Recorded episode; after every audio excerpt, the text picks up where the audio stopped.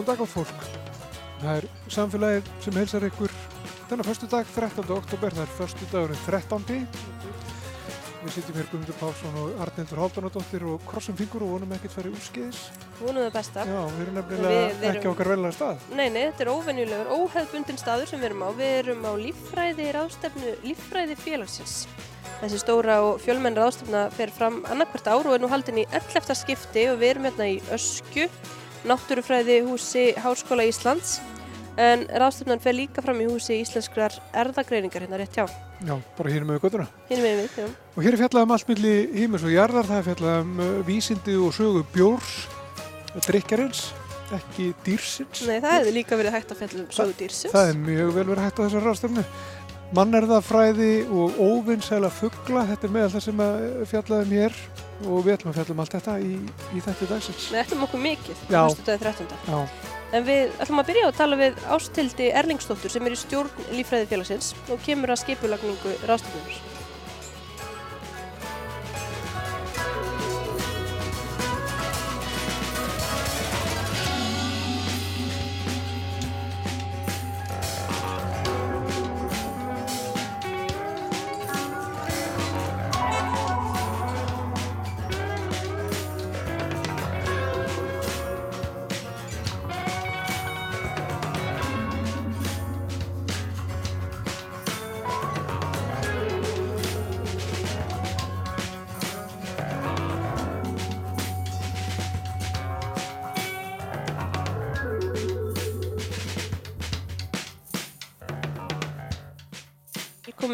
Okkar í já. Velkomin til okkar í samfélagið Ástildur Erlingsdóttir. Takk fyrir það. Eh, Líffræðin, þetta er náttúrulega ótrúlega viðfæðn fræðigrein og dagskráin svolítið endur speklar það. Hvað er svona í bóði? Getur þú nefnt eitthvað, einhver góð dæmi? Vá, þetta er endur speklar fæðið náttúrulega algjörlega. Þetta er svo viðfemt fag eins og segir. Að við erum alveg að fara frá örfurufræði, þróunafræði, fugglafræði, vistfræði, sjáalíffræði, mjög stór flokkur hjá okkur í ár. Þannig að það er alveg sjáalíffræði málstofur 1, 2, 3 og vistfræði líka 1 og 2. Þannig að þetta er alveg ótrúlega viðfemt fag og Já. það endur speklar sannarlega á þessari ráðstöfni. Og mörg Sem er erindi. Já, það er um 100 erindi í ár og jafnmark uh, vegspjöld og hérna, þannig já, þetta er svona, rauninni svona uppskjöru hátíð uh, líffræðinga og líffræði rannsókna á Íslandi, núna alltaf annarkvært ár. og þú nefnir hann að veggspjöld. Það er svona uh, daldið ykkar lífræðingar og hrifnir af veggspjöldum. Já, og rannsóknar samfélagið, svo sem Já. ég held, það er svona hefðbundi á svona ráðstefnum að hafa vegspjöldasýningu Mm og það er alltaf svona smá skemmtinn í kringum það líka, léttra veitingar og svona, Já, hægt að lifta sér aðeins upp. Hvað, svona, hvað einkennir gottu vegspjald í dag? Kannski hefur breyst í tímans rás? Það hefur sannlega breyst. Kröfurnar? Þetta er farið eiginlega úr sko því að vera rosalega mikill textu, mikla neðustuður í að vera svona sjónrætna núna og við erum líka alltaf með sko samkeppni um besta vegspjaldið sem kemur frá nemyndum og nemyndur er með mjög mörg framlega ár, örugglega um 8-10 nemyndur að kynna eitthvað á ráðstafninni við þetta árið annarkvort með erindi eða vegspjald og við veitum vel um bæði fyrir besta erindi nemynda og besta vegspjald. og þetta á sér nokkra sögu. Það er lífræði félagið, náttúrulega. Þetta er, þetta er stort og mikið félag og, og sem á sér sögu. Já, algjörlega. Uh, félagið var stofnað 1979 hinn er Reykjavík og búið að vera starfandi síðan. Og að, í fyrstu var ráðstefna haldinn alltaf á fjögur ára fresti en okkur fannst það ekki nóg. Þannig að nú erum komin annarkvært ár og við teljum um 500 meðlumi allavega. Þannig að þetta er stort samfélag og þetta eru mest, mest líffræðingar en opið algjörlega öllum áhuga sömum um líffræði og mikið að kennurum líka, líffræði kennurum. Þannig að við erum með sko, já, alls konar fólk Já. og alveg frábært fólk í okkur rauð. Og afkvöstingreina það mikil að það þarf að halda ráðstöfnuna oftar. Er, er sko einhver uh, ákveðin sviða, ákveðin grein líffræðina það sem er mesta gróskan núna eða nýtur svona mestarar, mestarar vinselda? Já, ég myndi segja að sjáulífræðin væri stærsti flokkurinn núna. Við erum alltaf með þrjár málstofur um sjáulífræði, sjáulífræði 1, 2 og 3. Þannig að hún er mjög vinsæl og kannski kemur ekki óvart hérna á þessu landi að það skuli vera mikil gróska í því. Já, við erum alltaf umlukin. Já, Hafinu. með mitt. er- Og margt, mjög margt ókanna þar. Þannig að ég er sjálfsjáulífræðingur þannig að mér finnst þetta náttúrulega rosalega spennandi. Og hérna, og já, þannig að það er mjög margt að gerast þar. Já. Og þú ert sjálf með erindið ekki? Jú, og vegspjald reyndar. Og vegspjald. Einmitt. Jú, ég var að tala um hérna, sníkjudýr í lagsfiskum sem að hérna, eru gerðurtarklunum, heitir parvikapsula sútubröngikóla og veldur miklu vandræðum og auk, auknum vandræðum hérna í lagseldinu hjá okkur. Og var bara fyrst uh, við uppgötum þetta hérna á Íslandi 2019 þannig að það er ekki lengur en það sem þetta hefur verið vandamál. Mm Og svo ertu líka í stjórninni, stjórn félagsins. Já. Og þú, það má bara segja að þú komst hérna bara á hlaupum Já. hérna og rétt, rétt náður að setja á þig hérna græðina ráðurina. Já, áður en við rétt að ná andanum, það er Já. alveg að komast núna. Þannig að það er nóg að gera hjá þér. Heldur betur, aldrei logn, aldrei leðilegt, það er það sem ég segi. Það er flott, flott slagur, bara svona lífsmótt og Já. En sem sagt, ráðstefnum hófst í gær, Mhm. hún er svo um, í fullum gangi í dag og fram á kvöld eða hvað, ég menna það lítur nú að vera. Jú, Ég sé að bjóri er á dagskráni, sko. Já, einmitt. bjór smökkun, já. Já, já, líffræðingar, við hérna okkur finnst gaman að skemmta okkur, þannig að við erum með sérstaka málstöðum bjór og vísindin um bjór. Það eru talsveg vísindi á bakvið, bjórbrugg, kannski ekki margir sem sig á því. Og hérna, og svo erum við með þessa vegspildasýningu, með léttum veitingum og svo erum við með allan daginn á morgun líka, Nú, já. alveg heilt dagur á morgun og ljúkum þessu með svona haustfagnaði líffræðifélagsins sem er líka alltaf vinsæll og alveg trallað og dansað fram á rauðnótt. Ég veit. Að við séum bara, góð, séum bara góða skemmtun. Já. Já, takk fyrir það. Ástildur Erlingsdóttir. Og takk fyrir komuna í samfélagið. Takk fyrir að, að segja okkur allt um þessa stóru ráðstefnu. Já, takk fyrir mig.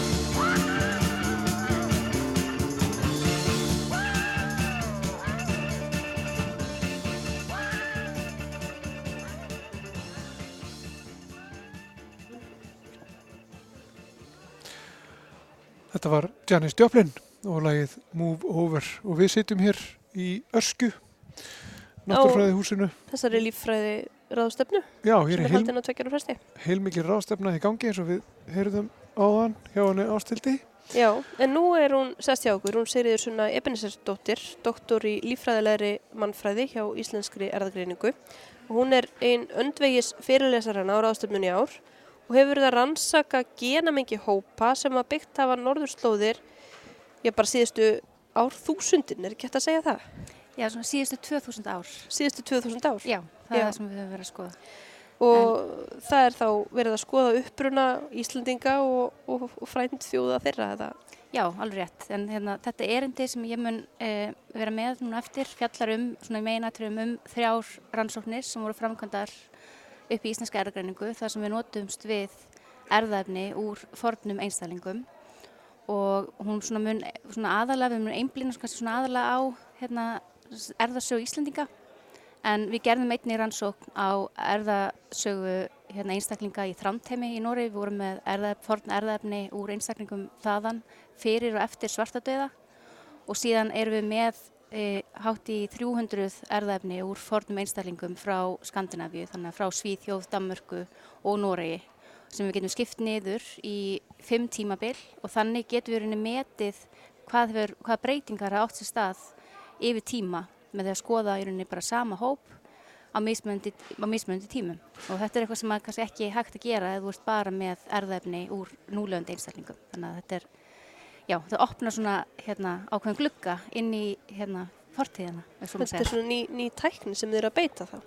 Eh, hún er nú kannski alveg nýja á nálinni en hérna, með svona byltingu sem var fyrir kringum tíu árum í erðatækni þá hérna, það hefur gert okkur kleift að raðgræna heil erðamengi úr fornum einstælingum en áður þá var svona þegar var verið að vinna með fort erðaefni þá var verið að voru þau svona mest einskorðu við hvað ber erðaefni sem að erfist í kvenleg en þetta er svona hægt núna, við getum raðgrænt heil erðamengi þannig að við getum tekið til dæmis eins og við höfum verið að gera við Íslendinga, við erum með við, við erum með, með erðaefni úr Íslendingum frá landnami og við getum raðgreint þeirra erða, erðaefni og síðan getum við metið þeirra upprannar hlutfallars hósins í heild og við getum líka sagt ímislegt um einstaklingana sjálfa.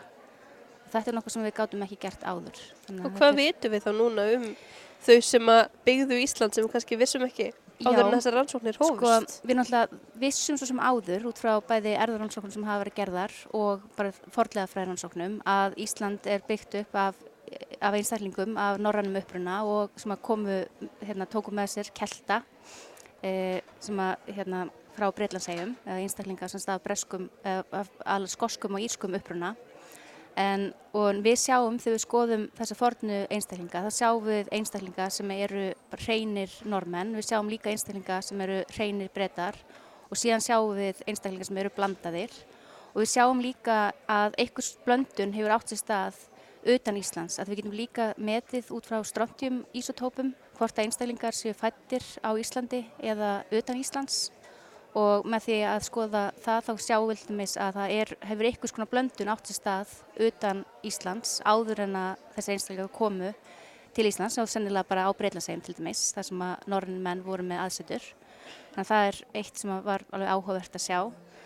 Eh, annað sem að kom, annað sem var mjög áhugavert er að Íslandingar í dag, við höfum glata mikið af þeim erðabreitileika sem var til staðar á meðal landnámsmanna. Þannig að þetta hefur átt sér stað á Íslandi bara vegna þess hversu fá við erum. Það talið að við höfum verið í kringum 8 til 24 þúsund. Það er svona ekki alveg, alveg víst hvað við vorum mörg þegar við komum til Íslands. En, en þessi, þessi mannfæð sem var hér og hérna svona endurtekin mannfællis ár vegna bara faraldra og hungursneiða hafa hérna, orðið þess að Íslendingar eru svona frekar einsleitir og, og líka vegna þess að það hefur náttúrulega ekki verið mikið af eh, erðaflæði inn til landsins. Það að við vorum mjög einangruð, já við erum eiga og mjög einangruð bara af, af Norður Allandshafi og, og, og slíkt sko. Þannig að, Þannig að við vorum með tiltölulega svona fjölbreytt genamengi þegar að, að því upphafi þegar Mhm. settust það hérna 8 til 24 þúsund manns uh, og síðan hafa bara komið svona endur þettinir flöskuhálsar, plágur Já. og fleira sem hefur einhvern veginn gert við, þetta já, einsleitara. þannig að við erum mjög einsleitir en við vorum. Og, og svo svona, já, annað sem við sáum líka í þessi rannsók var að hlutfall svona keltnesk uppruna hefur breyst frá landnámi til dagsins í dag. uh, í kringum landnám þá var hann svona í kringum 43% uh, keltnast en í dag er hann komið dottir í 30%. Við vitum verið ekkert alveg af hverju þetta stafar en okkur finnst mjög líklegt að þetta stafi af því að keltar hafa einfallega eignast færri afkami vegna þess að það eru náttúrulega hugmyndið þess efnis að flestir keltar sem komið til landsins hafa verið þrælar.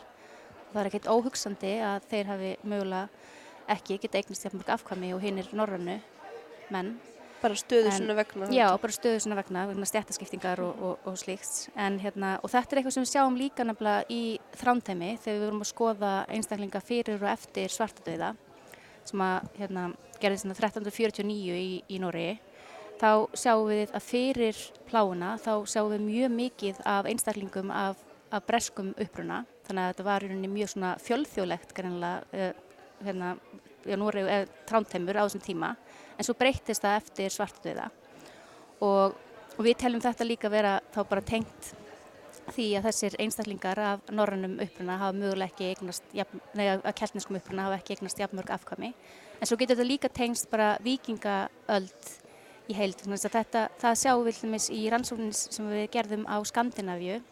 Þá sjáum við þegar við erum að skoða í rauninni uppruna hlutfall Skandinavíu yfir tíma, yfir senustu 2000 ár þá á járnöld, eða sagt fyrir vikingaöld, þá sáum mjög lítið af innflutningi eða bara, já, innflutningi einstaklinga frá, frá Eistarsaltlöndum, frá Breitnarsegjum og Suður Evrópu. En svo í kringum vikingaöld þá sjáum við mikið af innflutningi þess einstaklinga af þessum uppruna og það náttúrulega tengist vantilega bara vikingaöld og svo aftur, eftir vikingaöld, þá dettur þessi innflutningu niður. Þannig að mjög líklega þetta tengist bara e, Já, og þetta, þetta, þetta tengist bara því hvað er að gerast á vikinguöld að einstaklingar, þeir vikingar eru náttúrulega í rauninni bara að sigra heiminn og þá er ekkert óeðlegt að, að, að fólk vilji taka þátt í því. Og við sjáum, það líka hefur verið að gera rannsóknir á Rómaveldi sem sýnir henni það sama, svona erðar, sagt, erðarrannsóknir á fornum einstaklingum. Og það sýnir að í kringum á Rómaveldi þá var mikil innflutningur af fólki af, af alls konar uppruna. Og svo eftir að Rómaveldi fjall þá breytist þetta. Þannig að við heldum að þetta sé í rauninni það sem við erum að sjá að var að gerast á vikingaöld. Þannig að það er svona, Áhugavert hvernig genin geta orðið svona ný glerugu bara á söguna já, líka. geta sagt okkur ímislegt um hvernig hlutinni voru. Rennir þetta stóðmyndasöguna eða Já, hjálpar sagan einhvern veginn við þessar rannsóknir? Já, við sjáum til dæmis eins og í Svíþjóð þar sem sjáum svona innflutning af einstaklingum frá hérna Ístrasallsöndum. Það er alveg vitað að Svíþjóð á vikingatímabilum, þeir voru svona í mikilli verslun við þessi lönd. Þannig að þetta helst allt svona í hendur við það sem við myndum búast svo sem við að sjá. En það er bara ótrúlega áhugavert að geta í rauninni bara sé þetta út frá gögnunum sem við erum með. Og svona rennur stóðum undir það sem, sem, e, já, sem er talið að hafi gerst út frá sögulegum heimildum.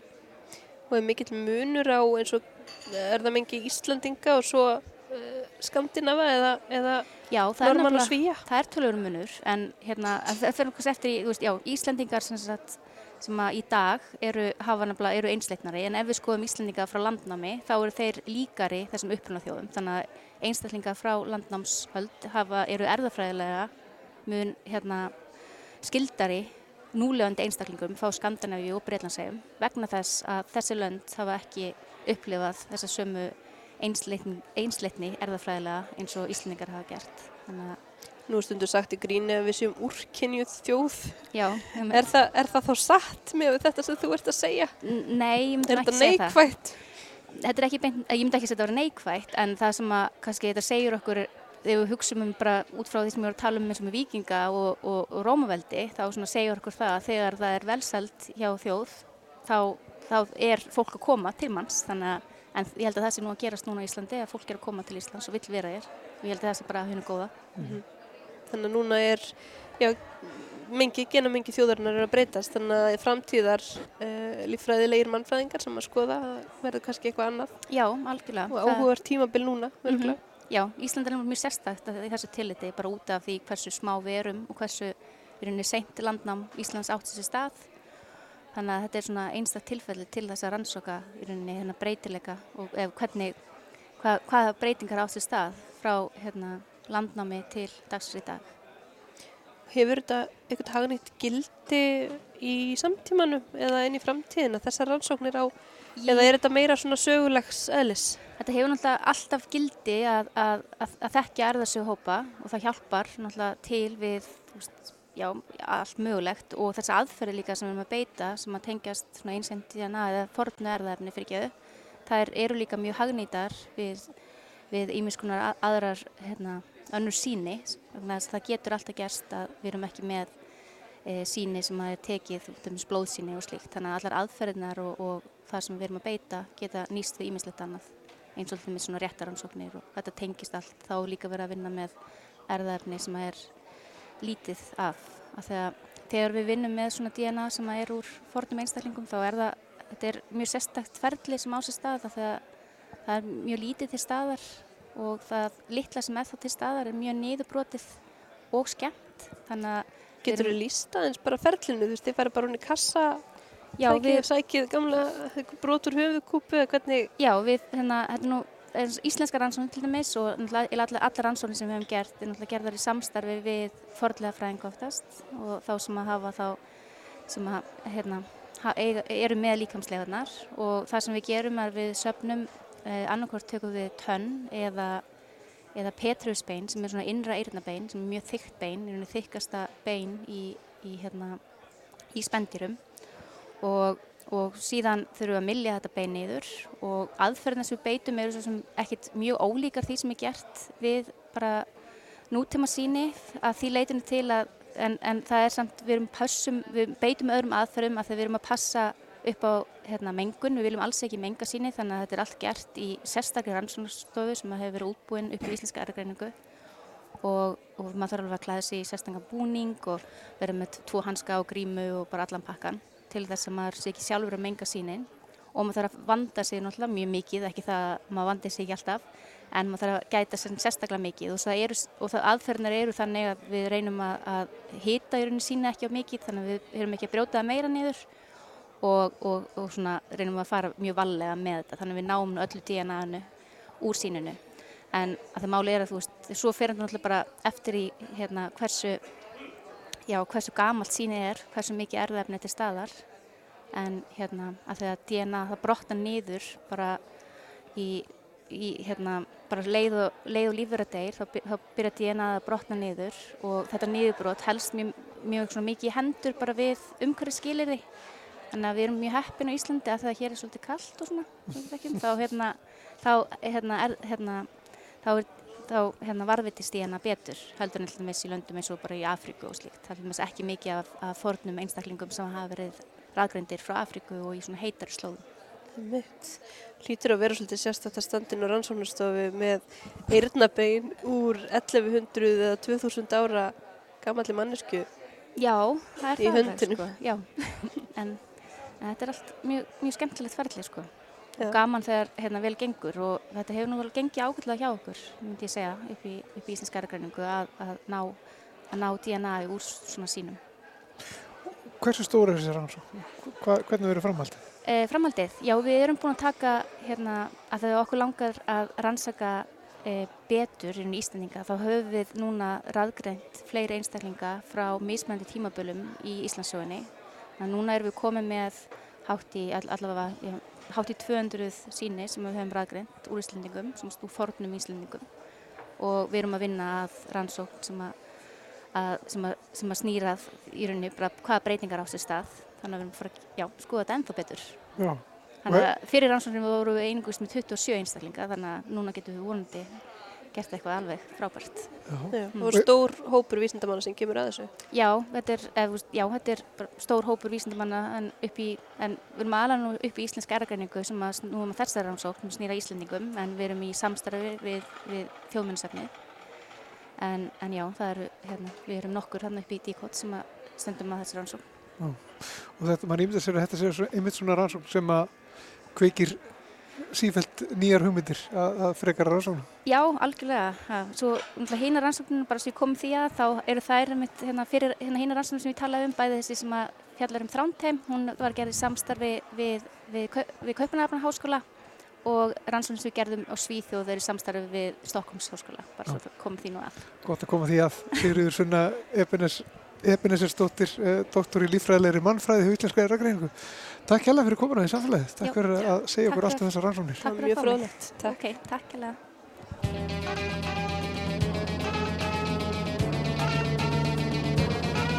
Jenny, darling, hear me cry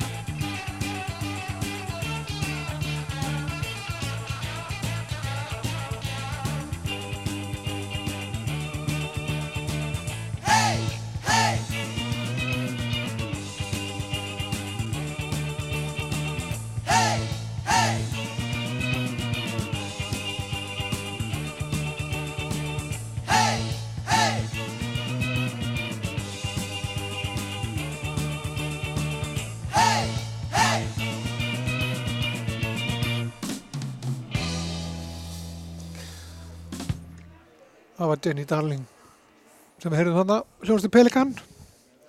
Við sitjum hér á líffræðir ástefnu líffræðifélagsins já, í, og erum hér í Ösku og uh, fullt af fólki hér og mikið um að vera, margir fyrirlestrar, mörg vegspjöld. Við erum reyndar ekki búin að sjá þau ennþá. en En við höfum ekki komist í að skoða vegspjöldin en, en uh, vegspjöldin eru nú fastur liður á svona, svona alvöru vísindarastefnu. Já. eins og hafa svona verið að breytast svolítið og verða myndrætni eins og við Já, heyrðum eins og komast á áðan. hann, um mitt. En þá við að tala um bjór og hann er sestur okkur Bjarni K. Kristjánsson. Hann uh, er, ertu fórstuðumæður Bjórsétus Íslands, eða hvað, hvað kalluðu þig? Já, ég er einn af svona frangatamönnum þar. Já, Já, já. þú ert á Bjórsetrinu, þú ert í, í Ból, uh, þar sem að stendur Ver- Bjó- Bjórsetur Bjórsetrinu. Íslands, stopnað 2007. já, það passar. Ertu stopn, stopnandi já, ég er stofnandi Bjórsetursins? bjórsetusins, já. Já. Hvað getur sagt okkur um Bjórsetur Íslands sem er á, í háskólum á Hólum, ekki sett? Já, bjórsetur Íslands er á Hólum í Hjaltal og þetta er svona bara félag áhugamanna um bjór, bjórgerð og allt sem við kemur bjórnum. Og eins og segi, við erum stofnaði 2007 sem er svona reynu upphafið þessari bjórbyltingu sem við höfum séð á Íslandi. Í dag með öllum þessum mikrobruggusum og, og, og öllu þessu og, og í rauninu var þetta bara áhuga á bjór. Veist að, kannski já, maður getur haft áhuga á ymsu en við höfum bara áhuga á bjór.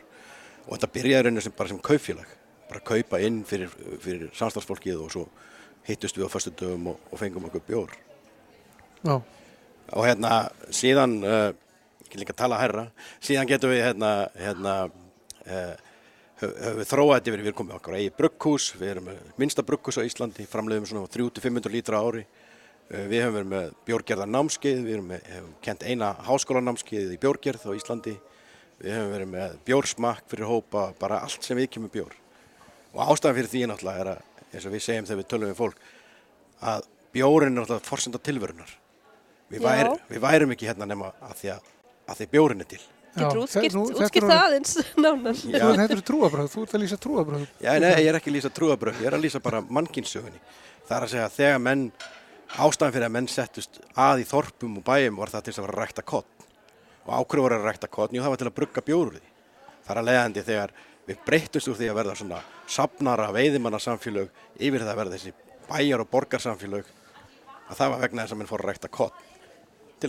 að var það ekki til þess að baka brauð? Var það ekki frum? Já, það, við, getum, við getum deilt um það en, en, en Já, hins vegar er bjórgerð og Ólíkar fylkingar þar. Sem Bjórgerð og brauðgerð eru, eru rauninni náskild og eru rauninni tvær liðar, hvað við segja, sama tegund, ten, tenningnum. Og sömur segja í rauninni að bjórin, sko bjórin hefur þróast ítrekað og endur tekið í gegnum mann, mannkynnsöguna. Og þessi bjór sem við þekkjum í dag, þar sem við tökum kottn og leitum upp í því og látum það meskjast og svona, það hefur þró, þróast allavega tvísvar, annars vegar í söður hluta Afríku og hins vegar hérna á, í Evrópu og svona. Það er líka talið að bjór hafi einhvern veginn þróast uh, með því að menn voru að bleita upp í brauði. Þannig að brauð var orðið hart og vildi gera brauðsúpu og svo var það aðeins og lengi í vatninu og þá þróaðist áfengur drikkur sem, sem bjórin var. En, en að þú talaður um trúabrauð, að þá náttúrulega bjórin hefur alltaf verið mjög nátengdur trúabrauðum í gegnum söguna og það er, það, það er svona dæmum það til þess í Kalevala sem er hérna lýsið þessari forn uh, upprunna finna að þá laður meiri tími að útskýra upprunna bjórsins heldur en upp, uppskýra upp, upprunna mannana. Þannig að bjórin hann hefur mjög víðar tengingar í, og eins og ég segi er forsenda tilverunar. Já. Myndið þú bjóða í að smakka þennan fyrstu, þessu, frum, þessu frumgerða bjór sem var brugguð þarna þegar bæir fór að myndast og Já, var þetta ekki eitthvað mikið öðruvís en er í dag? Jú, að örgla alveg allt annað en það sem við erum að þekka í dag. Ég hef svona stundum verið að velta fyrir mér og við höfum pröfað það í bjórsmakki að í uppruna, sko, það sem þú þarfst að gera, þú þarfst að ta- taka byggið og þarfst að láta það maltast. Það þýðir það að þú, þú bleitir aðeins upp í því og þú lætur það spýra og svo drepur plöntuna og þurrkar það. Og þú gerir þetta, upprunalega hórum en að gera þetta yfir, yfir eldi. Og þá kom svona reykjarbræða bjórnum og síðan voru menn að nota villiger og þá gerðu þau bara komið úr umhverfinu og, og sett bjórun á stað. Og, og svona villiger eins og við þekkjum í dag og það er einmitt á málstofun okkar eftir, það er verið að ræða um íslenskt villiger að það býr til bjór sem er svona daldið súr, daldið svona föngi bragð. Þannig að vantarlega hefur upprænlega bjórin verið svona daldið reyktur og föngi súrföngi, þannig að það er svona mjög fróðlegt að hefur verið að smakka hann En hvað eru þið að vilja á, á líffræðarástunni? Já. Þannig bjór. Já, það er, bjórin er náttúrulega nátengdur vísindum og líffræði því að við erum náttúrulega að nota lifandi, lifandi verur í, í að gera bjórin og hvað þá sérstaklega gerið sem er gerið lengst af í gegnum framlega, bjó, það er búið að vera framlega bjóri í einhver þúsundir ára en það er bara rétt á, á setni part 19. aldar sem henn uppgötta það að, að það er eitthvað til sem heitir ger. Og þá breyttum við rænatskipót, þessum tíska reynleika lögunum og bættu gerinu inn í, í rænatskipót og, og uh, það var, var náingi sem vann hjá Carlsberg sem fór og, og fann uh, leiðir til þess að eina okkar einstaka gerstofna. Og það var eina forsendu fyrir þessar bjórbyltingu sem við erum að sjá í dag. Og síðan hafa menn bara verið að vinna með gerið gerið er rauninni bara orðið bú bara það er náttúrulega ekki dýr það það er svona orðið eins og bara eins og, eins og, og söðkindið eitthvað svolítið, það er búið að rækta þetta og velja það í ákveðnar leiðir. Og menn eru stöðut að reyna að finna eitthvað nýtt. Í, er, þetta er rosalega stór markaður mjög, komið mikið af svona smá bruggúsum og menn er alltaf að reyna að finna sér eitthvað nýtt. Og þá hafa menn verið að leita nýjum gerum sem dæmi. Og það er fyrirtæki hérna á Íslandi sem er að gera þetta síðan hafa mann líka farið hína leiðina. Það er að segja þessar, þessar há leiðir menn hafa farið að breyta gerinu erðafræðilega, það er til erð, erðafræðilega breytt ger sem eru notað í, í bjórframleyslu þannig að, þannig að þetta, þetta er nátengt því sem við erum að gera í bæði líffræði, í, í hérna, uh, molekularlíffræði, í, í dýra erðafræðum og, og svo framvegis. Og svo, svo hefur við náttúrulega byggið og það er líka alls konar ræktun í gangi þannig, þannig, og humlarnir þannig að það er, þetta er nátengt líffræði. Rifjaðan upp hvað humlar eru. Já, humlar er, humlar, já, humlar er, er klifurplanta sem er uh, náskild kannabis og, og, og uh, er ræktu til þess að gefa bragðið að bjórnum, sem, sem, sem setna bragðið. Og það eru bara notaði kvennplöntunar og það eru til alls konar afbríða yrki af humlum sem gefa mismunandi bragð. Þannig að þegar þú ert að búa til bjór, að þá byrjar að setja einhvers, blanda saman ólíkum gerðum að korni sem er þá, gefa þá mismandi bragð og það er þetta sæta bragð sem þú finnur þú smakkar bjórin fyrst. Síðan er bætt í það að einhverjum svona bragðefnum, við getum kallað það, og fyrra öldum voru það alls konar plöntur, vallumall, eini, eini byrja svona, en svona eftir svona kannski 15. öld og, og fram af henni, þá var þessi planta humall svona ríkjandi í, í bjórnum. Og humallin gefur betra bragð af bjórnum. Þannig að hann er settur í þegar verið að sjóða. Þú byrjar að, að, að meskja og svo síður og þar setur humlana úti gefa biturt bragð og það eru ótal bragð flóra þar og þannig að við þekkjum til dæmis, fólk þekkir eins og IPA bjóra sem eru mjög vinsalir í dag. Þeir eru oft með svona sítruskeim en svona mikil biturleika það kemur vegna þess að það notar amerískir humlar í, í þetta. Og humættin hann gefur líka ákveðin áhrif. Það er að segja þið, þið kannski kannist maður að færa sér eitt, eitt glasa bjór og maður er ekkert farin að finna neinn á, af áfengjun í bjórnum. En maður finnur svona aðeins í kinnunum og svona. Það eru humlarnir sem er að hafa áhrif á þig. Og, og þetta er mjög skemmtileg planta mörguleiti en ástæðan fyrir að við erum að setja hann í bjórin er sóttvarnar. Hún notur sem, sem, sem, sem vinna gegn sýkingum af höldum bakteri og svoleiðis Hvernig verka það? Getur útskipt það? Já, það, það er bara, hún framleiðir efni sem að, sem að hafa neikvæð áhrif á, á vöxt bakterja og, og bjór er rauninni rosalega sætt sérstaklega náttúrulega meðan er að gerjast um þetta er rosalega sætt sætur vökvi sem að bakterjur elska og aðrar sveppategundir elska og þær vilja bara koma þannig í og breyta þessu í, í, í etik í rauninni eða eitthvað annað það, þaðan að verra og þegar við erum að brugga við erum alltaf að reyna að koma í vekk fyrir það og það var rauninni forsenda þess að, að, menn gáti til þess að flytja bjóra millir landa og svona, var, þú þurftur að finna ykkur að leiði til þess að hann myndi ekki skemmast og þá fórum menn að setja þessa humla í, í bjórin.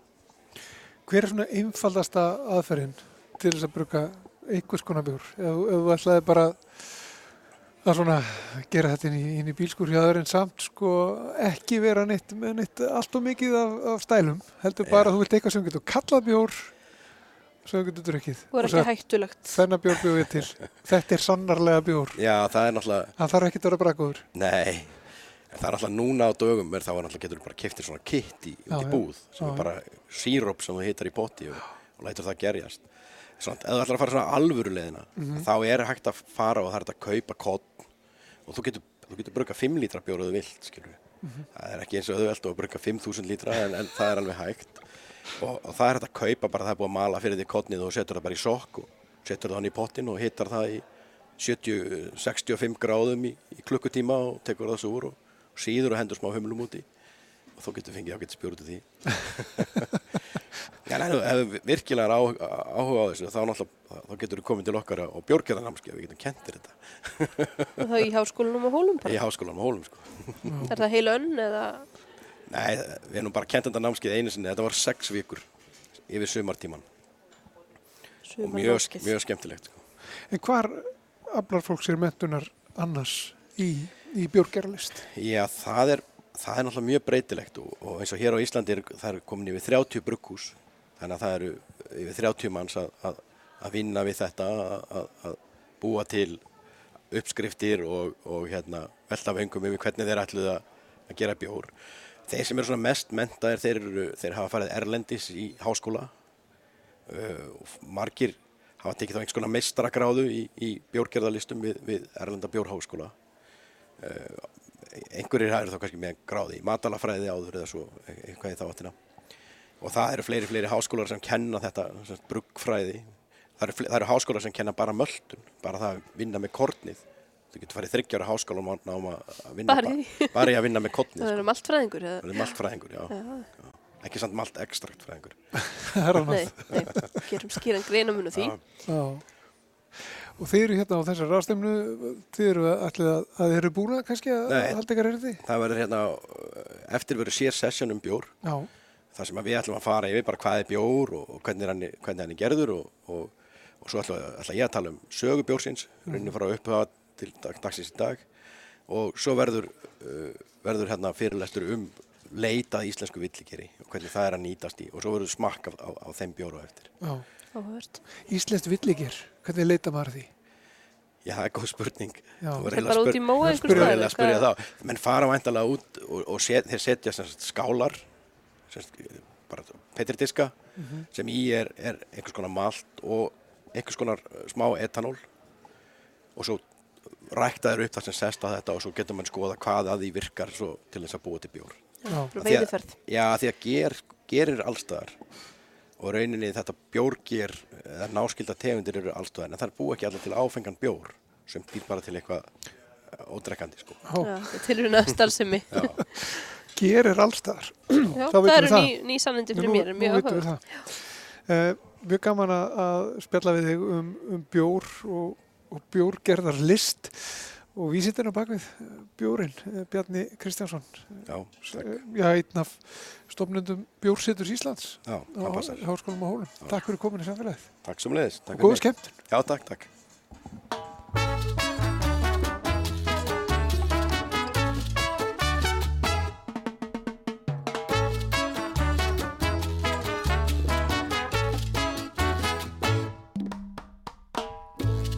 Blandar mér eitt mojito. Ég máta á mig skanna hvíta skó Eins og með þér glaður niður að sjó. Grýp þá með mér annan mojito. Ef þú drekkur með mér mojito Mun ég gróður setja rósa skó. Ef þú færð af massi meir en nóg Mæli ég með öðrum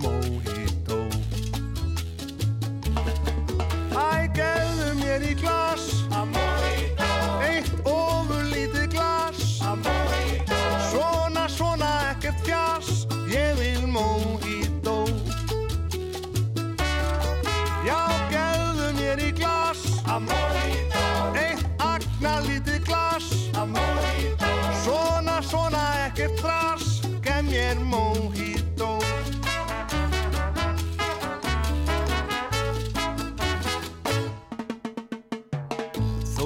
sötri mikið mojito. Má þér hvorki verða um nér ó.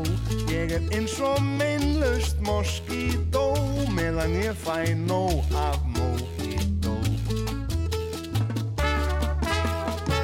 En ef mér skildi skorta mojito Skelf ég allur svitna niður á þjó. Ég mun sjálfsagt enga finna fró Fyrir en ég fæ nýjan mojito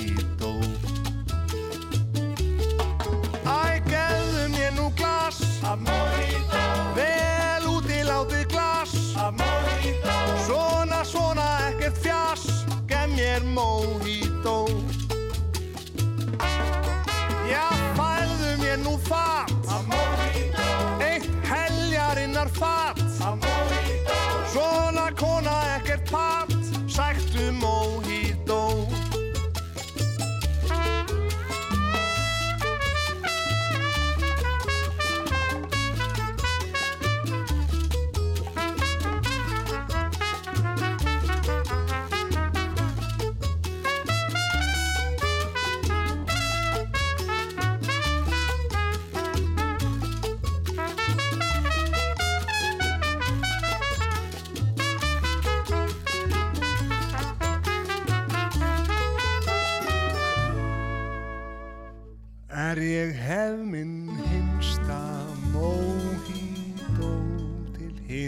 þar sem skáldið góða bjóð Raula lítið kúbanst kalipsó.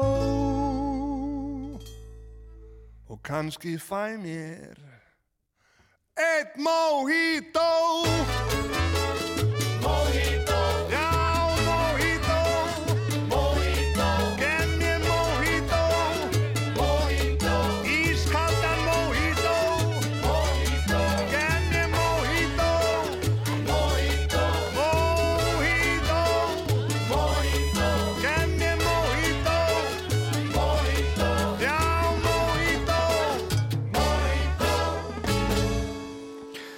Var Sigur Guðmundsson og Memphis Mafian, síðasti Mojitóin. Við vorum að tala um bjór á hann. Uh, ég mér skilst að það sé nú ekkert Mojito-setur neinstæðar á Íslandi. Nei, ekki, en þá kannski eftir nokkur, nokkur ártíði. Já, ég veit það ekki. Ef loftslag hér línar, verulega. Þetta Bjarni Kristjánsson sagði okkur frá, frá bjórsetrinu uh, hér, hér rétt á hann.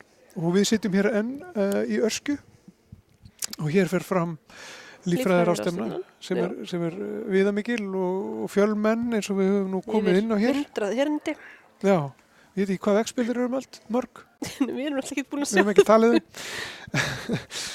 en eitt af því sem var fjallaðum hér í gær uh, var, uh, það var sérst fluttir erindi undir, undir yfirskyttinu Óvinnsælir fuglar í vanda og það er Róbert A. Stefánsson, uh, forstöðum að náttúrustofu Vesturlands sem flutti það, það erindi og hann er sesturinn hjá okkur, ertu velkomin til okkar. Takk fyrir.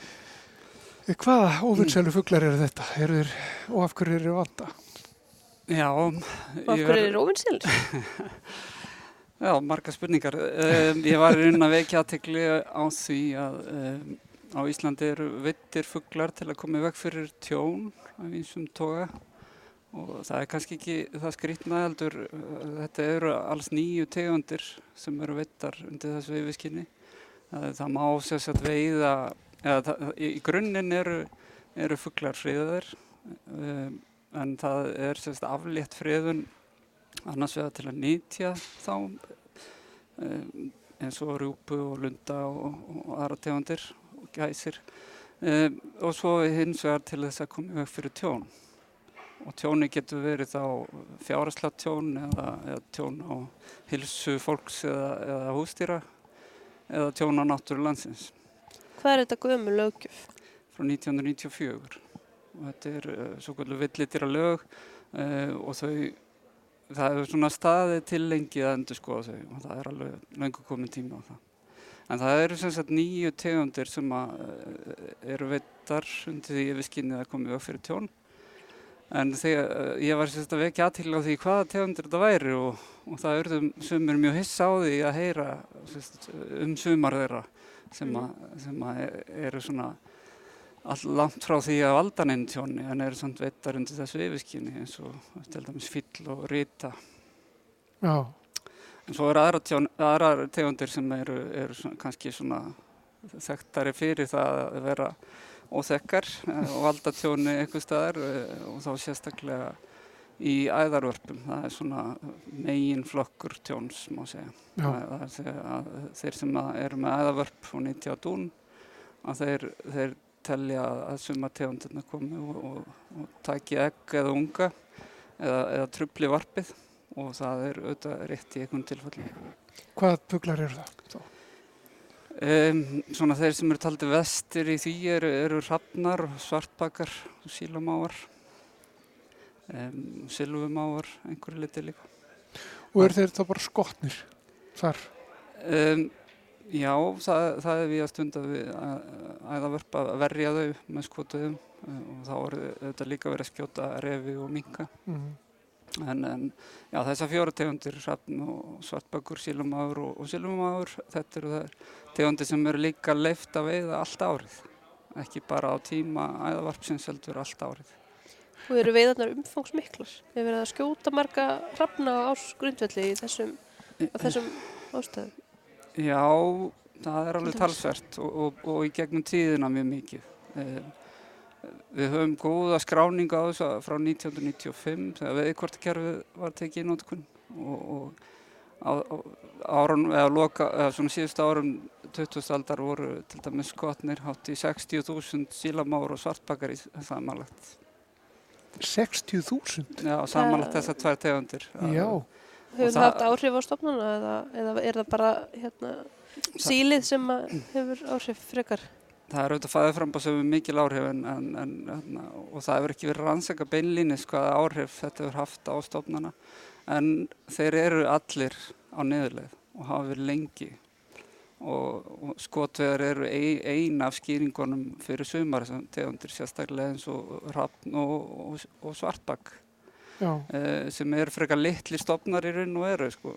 eru um 2000 hrafnspör í landinu og kannski um 7000 uh, svartbakspör já, og þessi stofnar og sérstaklega svartbakurinn hefur verið á mikill niðursveiflu áratugum saman og svartbakurinn hefur verið ofsóttur í rauninni um, um alda skeið og náðu kannski hámarki á lók 19. aldar og, og fram á 20. öld þegar Já. voru eh, samkvæmt lögum áttu landegandur að eigða öllum svartbakseggjum og, og tímabili öllum ungum og eitra fyrir svartbakum líka. Hvað skýrir það þessar ólegu heift? þetta er vargur, ég vil að það já, skilgrein sem vargur. Já. Ég vil ekki nota orðið vargur. En það var skilgreiningin. Já, já, Já. og, og hefur verið talað um sig- fugla sem varga lengi Já. vel og það, það er mjög gildislaðu orð sem mætti ekki nota um Nei. viltýr. En uh, þetta voru, þetta var uh, þessi herferð hófstað undirlegi æðarband á þeim tíma og sérstaklega svo kvöldu vargafélagi sem var félagi æðarbanda við Breiðafjörður og Ströndum og það svona var á hátindi félagsins lók 19. aldar og, og, og, og menn á þeirra vegum höfðu mjög mikil áhrif uh, og, og beittu sér í að hafa áhrif á löggjöf og það voru sett fjölmörg lög aftur og aftur alveg fram, langt fram, fram á miðið að 20. öld sem, að, sem hétu lögum eyðingu svartbaka Jáhá. og þannig að það var bara í rauninni útrýmingar herferð í gangi. En þar sem að, að svartbakur til dæmis sko bara, uh, bara st- starfsemi sem að svartbakur sækir í, uh, urðun og sorpi til Já, dæmis sko, fiskvinnsla, er, er þar Flugvellir, einmitt, er, er, eru, eru þessi fuglar skotnir hreinlega bara á þessum stöðum eða þarf, þarf ríkari ástæður til þess að, að, að svona reyna að stemma stigu við, við þeim. Ég held að það mætti vel skoða allt þetta kerfi. Jú, þeir eru skotnir á þessum stöðum og hérna, meðal annars og, og, eh, já, mjög mikið að máum skot, skotnir við sorphauga til dæmis eða þar sem sorp eru urðað. Um, um, og náttúrulega eitt af vandamálum við svona ef maður koma í veg fyrir tjón með skotviðum að það þarf kannski að skjóta mjög mikið.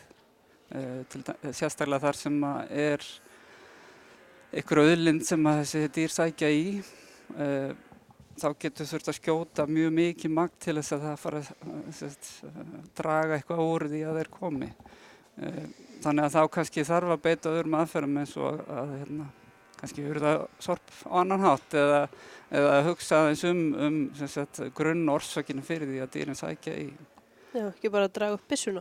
Nei. Eða þú nefnir líka tegundi sem að bara tjóna völdum þeirra er segir að sé vantarlega hverfandi lítið þetta eru hettumáfur, hvítmáfur og, og kjói Mm. og það er verið að skjóta þessa uh, máfa líka Já, og þessi, Eh, þessa frigla. Eh, varandi kjóan þá er það bundið við nákvæmni uh, æðvarpa en, en ekki, ekki hinnan tegundirnar. Og þetta eru einmitt tegundir sem að er, hefur ekki verið sínt fram á valdi tjóni sem heiti geti. Auðvitað eiga það til að stela ekki eða unga en við verum líka átt okkur því að það, það er hluti af gangi í náttúrunar það er bara gangur lífsins að rándir veiða sér bráð til matar og það er ekkit óvæðilegt við það. Og eitt af því sem þú leggur áherslu á er að rándir þau hafa mikið vægi þegar kemur á lífræðilegri fjölbreytni. Algjörlega og það rannsóknir við um heima hafa sínt það sífælt betur á síðustu árum og áratugum að rándýr eru mjög mikilvæg í bara helsu vistkerfa og að viðhalda líffræðilegri fjölbreytni, minga sveiflur í fæðustofnum og, og, og svo framvegis. Þannig að e, eitt mjög gott dæmi svona, eh, var sérst þegar, þegar, þegar úlvar voru fluttir aftur inn í Yellowstone þjóðgarinn í Bandaríkjum sem var mjög umdelt á sínum tíma. Að Úlfum var við að útrýmt á fyrir öldum og, og þeir eru að snúa við aftur og hérna, lífrikið í Yellowstone hefur, hefur gjör breyst eftir að þeir komu aftur og, og hérna, flesti segja á, á jákvæðan hátt. Já. Eitt að lókum kannski sko þessi mávar, sumir eru pyrraðir um máva, má hver sem er bara að skjóta á það? Nei, menn þú eru auðvitað að hafa bæði skotveðilifi og, og veiðikort. Þannig að það er, já. E- Ef þú ert með skotuðilefi og, og veiði hvort, segjum það, má, Já. máttu þá skjóta þessar fugla hvar sem er, eða ekki kannski alveg hvar sem er, en, en Já, já, svona með ákveðnum takmörkunum. þarftu ekki að raukstiða Ekki miðborg Reykjavíkur. neitt Nei. nátt. Nei, það þarf ekki sérstakar raukstýrning svo ég viti til. Svo lengi sem með, með tótu utan stjættbílis og allt það sko. Mhm. Og þeir, þessi stofnar, þeir standa ekki nógu vel. Þannig að það Nei, er þeir kannski þarf að endur skoða þetta allt Þeir eru flestir á neðuleið og skotið þarna geta haft einhver áhrif uh, til hins verra hjá sumum þeirra. Já. Ég var að ljúka þess á þessum nótum, Arndur. Já, Um, ég held að það sé Já, það þetta ó, rétt hérna á lífræðir ástafnunni. já, óvinnsælir fuglar í vanda. Það var erindi Róberts Stefanssonar. Takk fyrir komuna til okkar í samfélagið, Róbert. Um, og, og við vonum bara að, uh, já, allir fáum nú bara, eh, Þessara fugla vangist eitthvað, mögulega. já, já, og allir fáum bara að vera í friði svona þar sem að því verðum við komið, Já, skulum já. við segja. Ef við heyri Elvis. Það ekki bara.